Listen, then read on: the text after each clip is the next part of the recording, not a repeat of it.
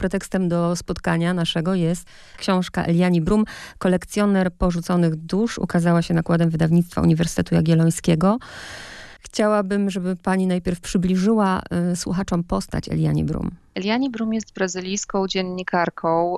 Miała na swoim koncie już pięć też opublikowanych książek, które są w większości zbiorami jej reportaży. Ona pracowała na przestrzeni ostatnich no, ponad kilkunastu, kilkudziestu właściwie lat z czasopismami czy z dziennikami zarówno w Brazylii, a obecnie pisuje także między innymi do hiszpańskiego El País czy do brytyjskiego Guardiana. I ona także pracowała czy była powiedzmy współodpowiedzialna za e, trzy filmy dokumentalne. W ubiegłym roku została opublikowana jej pierwsza e, książka za granicą, przetłumaczona najpierw na język angielski, zbiór reportaży, e, właśnie która ukazuje się teraz w Polsce, czyli kolekcjoner porzuconych dusz. Zbiór z wszystkich e, rzeczy, które ona do tej pory napisała, nawet chyba jeszcze, e, z, które miały inną nazwę, bodajże ja teraz nie pamiętam, Życie, którego nie widać? Tak, bo ona to jest, tak jak wspomniałam, autorka pięciu książek i te reportaże, które ukazały się w ubiegłym roku dla e, czytelników anglojęzycznych, są wyselekcjonowanymi reportażami, które były wcześniej publikowane w innych zbiorach. I to sama autorka zadecydowała o kompilacji, czyli ona dokonała wyboru tego tekstów, tych tekstów, ona je ułożyła w odpowiedniej kolejności, tworząc tą kompilację. Dlatego zobaczyć i zapoznać się z tekstami, które są, czy były publikowane regularnie i się, ukazywały się na ramach brazylijskiej prasy od końca lat 90. do roku 2015. Zastanawiałam się, dlaczego wybrała na tytuł, bo rozumiem, że to ona wybrała akurat y, ten reportaż Kolekcjoner porzuconych dusz. Nie wiem, czy słusznie myślę, że ona sama jest takim kolekcjonerem. Tak, zdecydowanie. Y, to jest tytuł jednego z tych reportaży, które zostały przedstawione, akurat jednego z krótszych, ale myślę, że ten tytuł bardzo dobrze oddaje to, co jest kwintesencją tej y, książki, dlatego że jeżeli miałabym w jakiś sposób określić Eliani Brum i, i to, w jaki sposób ona pracuje, jak ona publikuje, to zwraca uwagę przede wszystkim jej ogromna wrażliwość, y, dlatego że to jest osoba, która dostrzega ludzi w Brazylii na co dzień niewidzialnych. I jest to o tyle fenomenalne, że ja dotychczas spotykałam się bardzo często ze znakomitymi reportażami pisanymi przez osoby spoza Brazylii, przez niebrazylijczyków. Choćby y, no, Brazylii poświęcał swoje teksty Artur Domosławski. Natomiast y, rzadko spotykane jest to, niestety, żeby Brazylijczycy mieli odpowiedni poziom, powiedzmy, zadziwienia pewnymi fenomenami, które są bardzo widoczne dla osób, które są spoza kraju i które po raz pierwszy decydują się odwiedzić Brazylię. Y, istnieje bardzo wiele, no powiedziałabym, paradoksów codzienności, które dla mieszkańców tego kraju, one są czymś oczywistym, one nie są kwestionowane. I fenomen Eliani Brum polega na tym, że ona je widzi, ona je kwestionuje, ona je podważa i ona ma y, wrażliwość i powiedzmy czułość, żeby identyfikować osoby, z którymi, które chcę przedstawić, dlatego że z jednej strony mamy poziom indywidualny, ale z drugiej strony te reportaże też przedstawiają bardzo palące problemy społeczne, z którymi boryka się Brazylia. I to są też takie mm, postacie symbolizujące pewne grupy osób będących niejako, mm, można by powiedzieć, ofiarami brazylijskiego y, systemu, czy też raczej ofiarami braku państwa, czy braku zaangażowania państwa w ich życie codzienne. To jest z jednej strony, ale z drugiej strony można też powiedzieć, że o ile te reportaże są bardzo brazylijskie. One są też uniwersalne. Są, jest, jest e, szereg reportaży, gdzie moglibyśmy e, zastanowić się, czy tego typu sytuacje nie mogą się wydarzyć w jakimkolwiek kraju na świecie. E, mam na przykład na myśli teraz jeden z reportaży poświęconych domowi spokojnej starości, w mm. który opisuje przemijanie. I ja mam takie wrażenie, że, że to jest bardzo uniwersalne. Właściwie to odpowiedziała Pani na moje pytanie, bo ono tak brzmiało, że możemy potraktować to również bardzo uniwersalnie ale chcę też zwrócić y, słuchaczom uwagę i, i myślę, że pani się ze mną zgodzi, bo wiem, jak niektórzy czytają książki, niektórzy naprawdę pomijają zakończenia, wstępy, a tutaj ten wstęp jest kluczowy, bo Eliani Brum jakby wyjaśnia też, w jaki sposób pracuje nad reportażem, a ta jej praca jest y, no, specyficzna. Tak, ona we wstępie wskazuje między innymi, że pisanie jest procesem bardzo y, odczuwalnym, ale odczuwalnym nie tyle emocjonalnie, co odczuwalnym fizycznie i że to jest proces bardzo cielesny, że historie jej bohaterów przechodzą przez jej ciało i ona jest pewnym, no ona nie używa tego słowa, ale no, naczyniem, dzięki któremu oni uzyskują następnie głos i ich historie mogą być przedstawione szerszemu kręgo, e, kręgowi odbiorców. I zresztą ja już kilkukrotnie, także czytając pierwsze recenzje, które e, pojawiają się na polskim rynku i które są bardzo, e, bardzo pozytywne, spotkałam się z tym, że czytelnicy też odczuwają te reportaże bardzo fizycznie miewają wręcz, to jest może nieco ryzykowne stwierdzenie w um, obecnej sytuacji, ale wręcz problemy z oddychaniem mm. czytając te książki, dlatego że one są tak naładowane emocjonalnie, one są tak, tak gęste, one są tak bogate i też język, którym posługuje się Eliani Brum jest e, jak na reportażystkę mogłabym powiedzieć rzadko spotykany, bo on jest bardzo poetycki, tak. a z drugiej strony ona oddaje głos swoim bohaterom, więc one są bardzo unikalne, one są jedyne w swoim rodzaju w pewien sposób, dlatego że bohaterowie, którzy E, którym ona poświęca swoją uwagę, zmieniają się oni. To są osoby reprezentujące różne grupy z różnych części Brazylii, o różnym stopniu doświadczeń życiowych, wieku, pochodzenia itd. I tak to jest dostrzegalne w tej książce. Właśnie, też mam takie uczucie, że nie mogę powiedzieć, że najwa najważniejszą wartością tej książki jest język, bo te historie też, ale ten język jest niesamowity. Na co dzień nie, nie myślimy, nie zastanawiamy się. Ja chylę czoła, jeśli mnie w ogóle będzie słyszał pan Gabriel Borowski, bo wydaje mi się, że żeby ubrać to w, właśnie w taki język polski, tak czuły, to trzeba niesamowicie rozumieć tę autorkę. Y, ja się w tym, z tym w pełni zgadzam i ja kilkukrotnie y, czytając y, te reportaże byłam właściwie zszokowana, dlatego że ja czytałam Eliani Brum jeszcze przed wydaniem tej książki w języku polskim, w oryginale i zastanawiałam się, wiedząc jak ona pisze, myślałam sobie, że dla tłumacza jest tutaj ogromne wyzwanie, żeby, żeby podołać temu stylowi i to, to się stało. Nie mam co do tego żadnej wątpliwości, dlatego że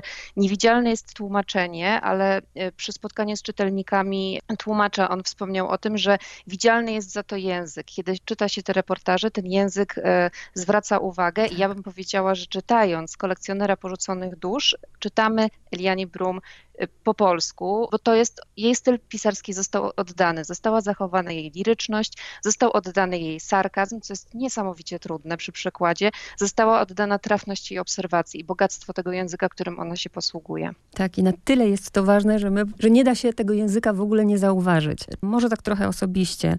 Dla mnie jednym z ważniejszych reportaży jest ostatni, przepiękny zresztą, karmicielka. Szmer, jak pani powiedziała właśnie a propos, y, że nie można nawet oddychać, to myślałam. Tak, to, to było jeden z omawianych y, reportaży mm, właśnie był, był nim szmer. E, to jest reportaż, który jeszcze, jak go czytałam, to on później został ze mnie kilka, przez następne dni. Ja go przeżywałam, dlatego że on jest niesamowicie poruszający. To jest zresztą, to jest ten przykład, kiedy jest to bardzo osobista historia, należy to podkreślić, ale z drugiej strony ta historia w znakomity sposób obrazuje liczne problemy natury i politycznej, i społecznej, z jakimi boryka się Brazylia, i mam wrażenie, że na kilkunastu stronach e, tej dziennikarce udało się lepiej oddać sedno problemu i to jeszcze w taki sposób, że czytelnik nie jest w stanie przejść obok tego obojętnie, aniżeli bardzo wiele opracowań, które poruszają zagadnienie między innymi no, wpływu e, korporacji międzynarodowych na państwa e, rozwijające się, w których niekiedy ten aparat władzy państwowej nie jest na tyle silny, aby poradzić sobie z pewnymi negatywnymi zjawiskami. Ponieważ nie da się, żebyśmy o wszystkich reportażach rozmawiały, to tutaj mm, subiektywnie proszę o wybór jakiegoś pani ulubionego, który też może właśnie obrazuje problemy Brazylii. Na pewno szmer za problemy oddechowe, jakie miałam czytając e, ten, czytając ten reportaż, czyli pracownik w fabryce e, azbestu, historia jego życia. Zgodzę się z panią, że karmicielka też była bardzo, bardzo wzruszająca. I o ile Szmer jest e, historią, która rzeczywiście nieco głębiej wpisuje się w realia brazylijskie, tak przykładowo karmicielka jest bardzo uniwersalna. Ta tak. historia mogłaby się zdarzyć równie dobrze poza Brazylią. To oddaje e, historię osoby, która jest śmiertelnie chora i, i wie, że odejdzie i sposób, w jaki dziennikarka jest w stanie to poruszyć, to też jest bardzo istotne. Ona się umie mierzy z bardzo ciężkimi tematami i w tym, jak ona przedstawia rzeczywistość, i w tym, jak ona słucha, jak ona oddaje to, co próbują przekazać jej bohaterowie, nie ma sentymentalizmu. To nie jest. Um, Nie można jej zarzucić spłycania tych emocji, które ona stara się oddać. Nie można jej e, zarzucić upraszczania tych emocji, czy upraszczania sytuacji, w jakie ona zostaje wpisana. Ja jestem pod ogromnym zresztą wrażeniem, że ona zdecydowała się e, na to, bo to już na samym początku tego reportażu dowiadujemy się, że Eliani Brum zdecydowała się pozostać i towarzyszyć odchodzącej kobiecie e, w jej ostatnich tygodniach życia. To jest coś niesamowitego, w jaki sposób udało jej się to, to przedstawić. I też myślę, że poruszyło mnie, y, ja już ten reportaż znam wcześniej, Żywe Matki Martwego mhm. Pokolenia. To jest y, jeden z mocniejszych reportaży, który porusza temat, z którym Brazylię myślę, że kojarzymy, bo to jest kwestia przemocy i tego, jak niebezpieczne jest życie w fawelach, co y, zorganizowana przestępczość i brak perspektyw czynią, jaki wpływ wywierają na mieszkańcach tych uboższych dzielnic, dużych brazylijskich miast. Natomiast ten reportaż oddaje historię i oddaje rzeczywistość widzianą oczyma matek dzieci, które, e, które giną i, i matek, które jeszcze za życia swoich dzieci muszą e, no, zebrać odpowiednie środki finansowe, tak. żeby móc e, pozwolić sobie na to, aby te swoje dzieci godnie pochować, bo one wiedzą, że one odejdą, to jest tylko kwestia czasu kiedy, więc to też było bardzo poruszający tak. reportaż i zresztą reportaż, który swego czasu mocno poruszył Brazylijczyków, którzy wydawać by się mogło, że są tak bardzo oswojeni z tym tematem. To jest zresztą kolejny,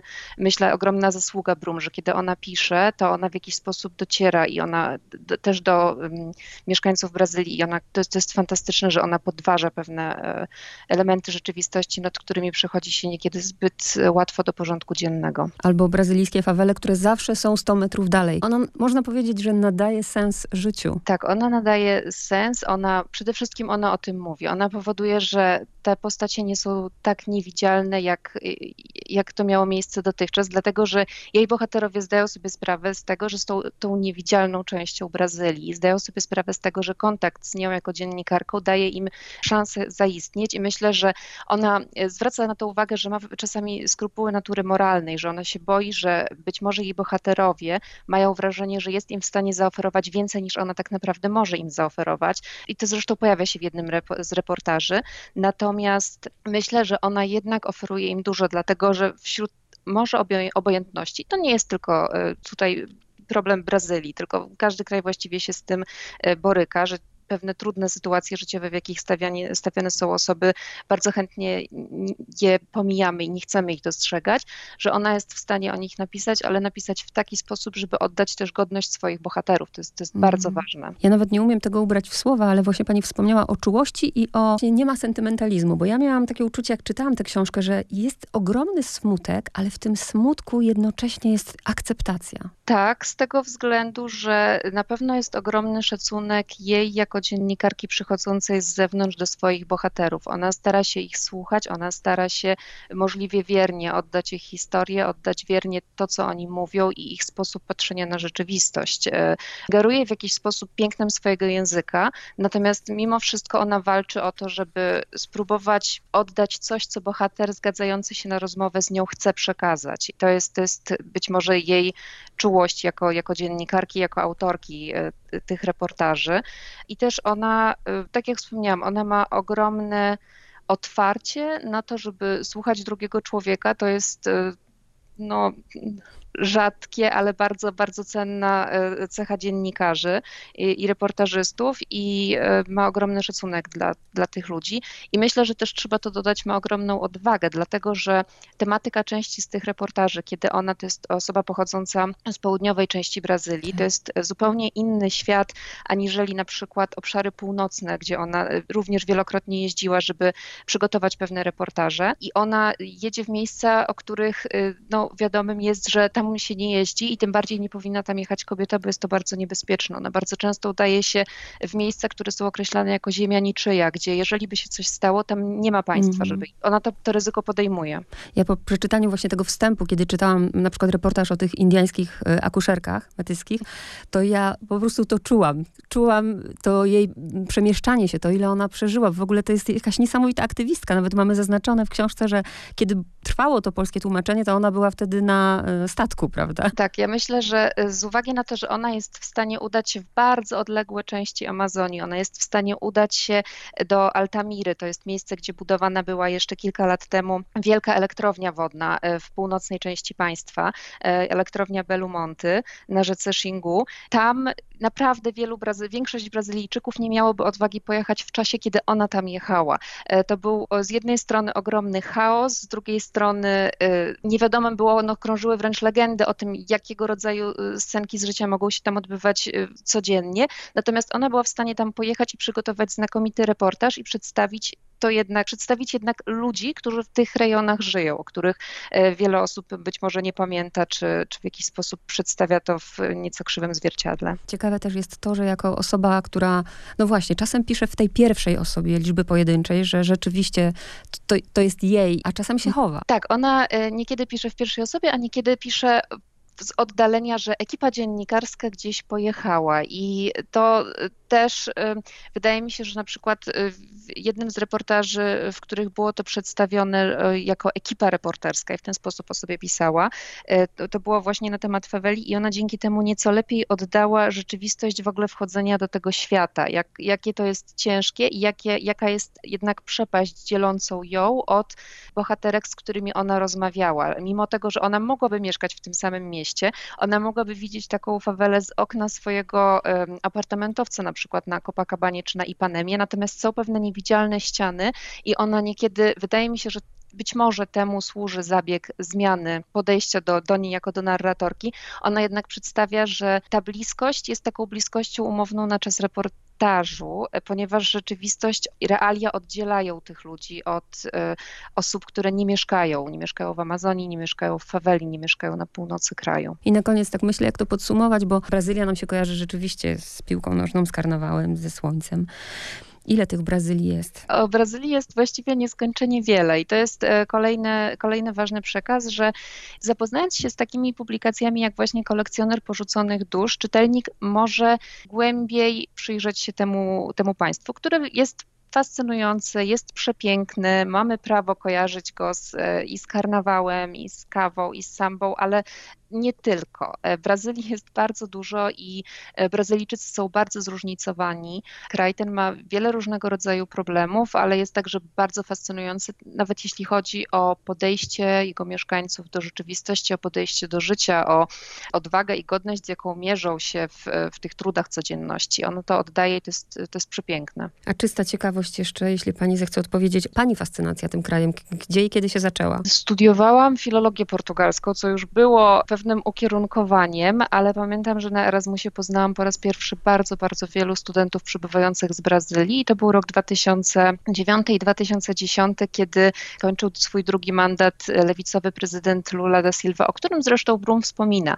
Ona y, potrafi uwypuklić pewne y, kwestie problematyczne związane z jego prezydenturą, dlatego że ona była w tamtym czasie, kiedy ona to pisała, niezwykle chwalona, ale nie ma wątpliwości, że Brazylia w jakiś sposób się zmieniała i, i Brazylijczycy byli pełni nadziei, że, ich rzeczy, że rzeczywistość brazylijska nareszcie w jakiś sposób zaczęła się zmieniać, y, zaczęła się polepszać. Tych 36 milionów Brazylijczyków zostało wydźwigniętych dzięki programom społecznych z ubóstwa absolutnego i była taka euforia i zresztą w 2010 roku pojechałam po raz pierwszy akurat w okresie wyborczym. Były wtedy wybory prezydenckie organizowane do Brazylii i tą euforię, ona była wszechobecna. Brazylijczycy naprawdę wierzyli w to, że będzie lepiej i cieszyli się z pewnych zdobyczy, które im się udało osiągnąć w ciągu ośmiu wcześniejszych lat. I też myślę, że y, ludzie, Brazylijczycy są powodem, dla których wielu brazylianistów e, naprawdę zakochuje się w tym kraju. Ich pogoda ducha optymizm. Duża wartość dla mnie taka właśnie tej rozmowy, że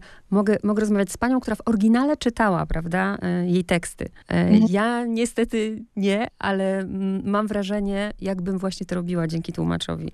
I polecamy tę książkę chyba nie tylko ze względu właśnie na tematykę, na problemy, ale język jest też tutaj kluczowy. Tak i mamy naprawdę szczęście, my jako po, polscy odbiorcy e, tego zbioru reportaży, dlatego że możemy obcować naprawdę ze znakomitym tłumaczeniem tłumaczeniem, które oddaje bardzo dobrze oryginał. Bardzo dziękuję za rozmowę. Ja również.